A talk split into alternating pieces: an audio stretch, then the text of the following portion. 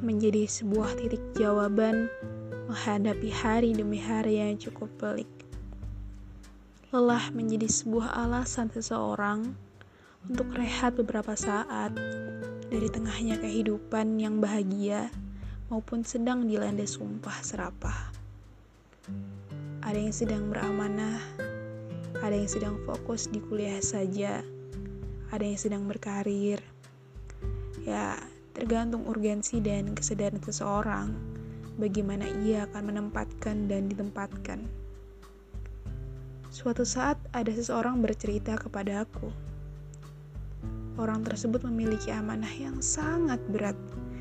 Amanah besar dan aku yakini bahwasanya tidak semua orang mau menerima dan menjalankan amanah tersebut.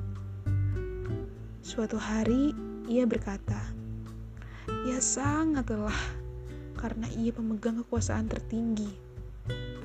Ia mengaku ia telah banyak bekerja keras, mengarahkan anggotanya, mengatur jadwalnya, dan beberapa tugas lainnya.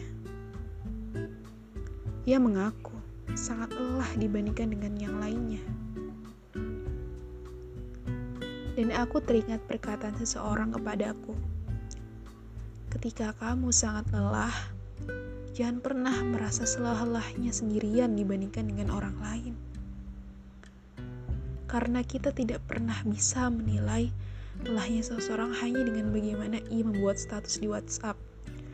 Dan kita tidak bisa menilai hanya dengan kita menanyakan kesibukan dan kabar mereka kita tidak bisa menilai dari tugas-tugas yang ia selesaikan tanpa ada kendala yang berarti.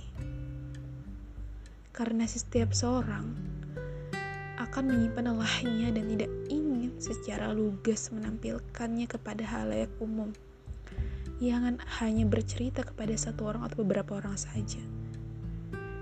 Dan jangan pernah kamu merendahkan orang lain dan membandingkan lelahnya dengan dirimu. Karena itu hanya akan membuat seseorang lain merasa ia tidak dihargai akan lelahnya. Bukannya telah dijelaskan dalam surat At-Taubah ayat 36. Apakah kamu puas dengan kehidupan di dunia sebagai ganti kehidupan di akhirat? Padahal kenikmatan hidup dunia ini hanya dibandingkan dengan kehidupan di akhirat hanyalah sedikit. Artinya, ketika kita lelah di dunia, hingga kita terseok-seok pun sangatlah menjadi sebuah totalitas kita untuk berjuang dalam setiap kebaikan. Dunia ini menjadi sebuah celengan kebaikan, menjadi tempat menabung kebaikan, menjadi tempat bertanam kebaikan. Maka suatu hari akan kita memanen kebaikan-kebaikan itu akan kita kembali investasikan kebaikan-kebaikan itu. Ada suatu kata yang membuat saya selalu berusaha semaksimal mungkin, yakni orang tidak pernah sedikit pun dan merasa lelah berjuang dan berusaha. Niscaya ia tidak akan pernah mendapatkan apa-apa. Maka usahakan lelahmu adalah lelah produktif yang akan berharga dan kamu petik di kemudian hari.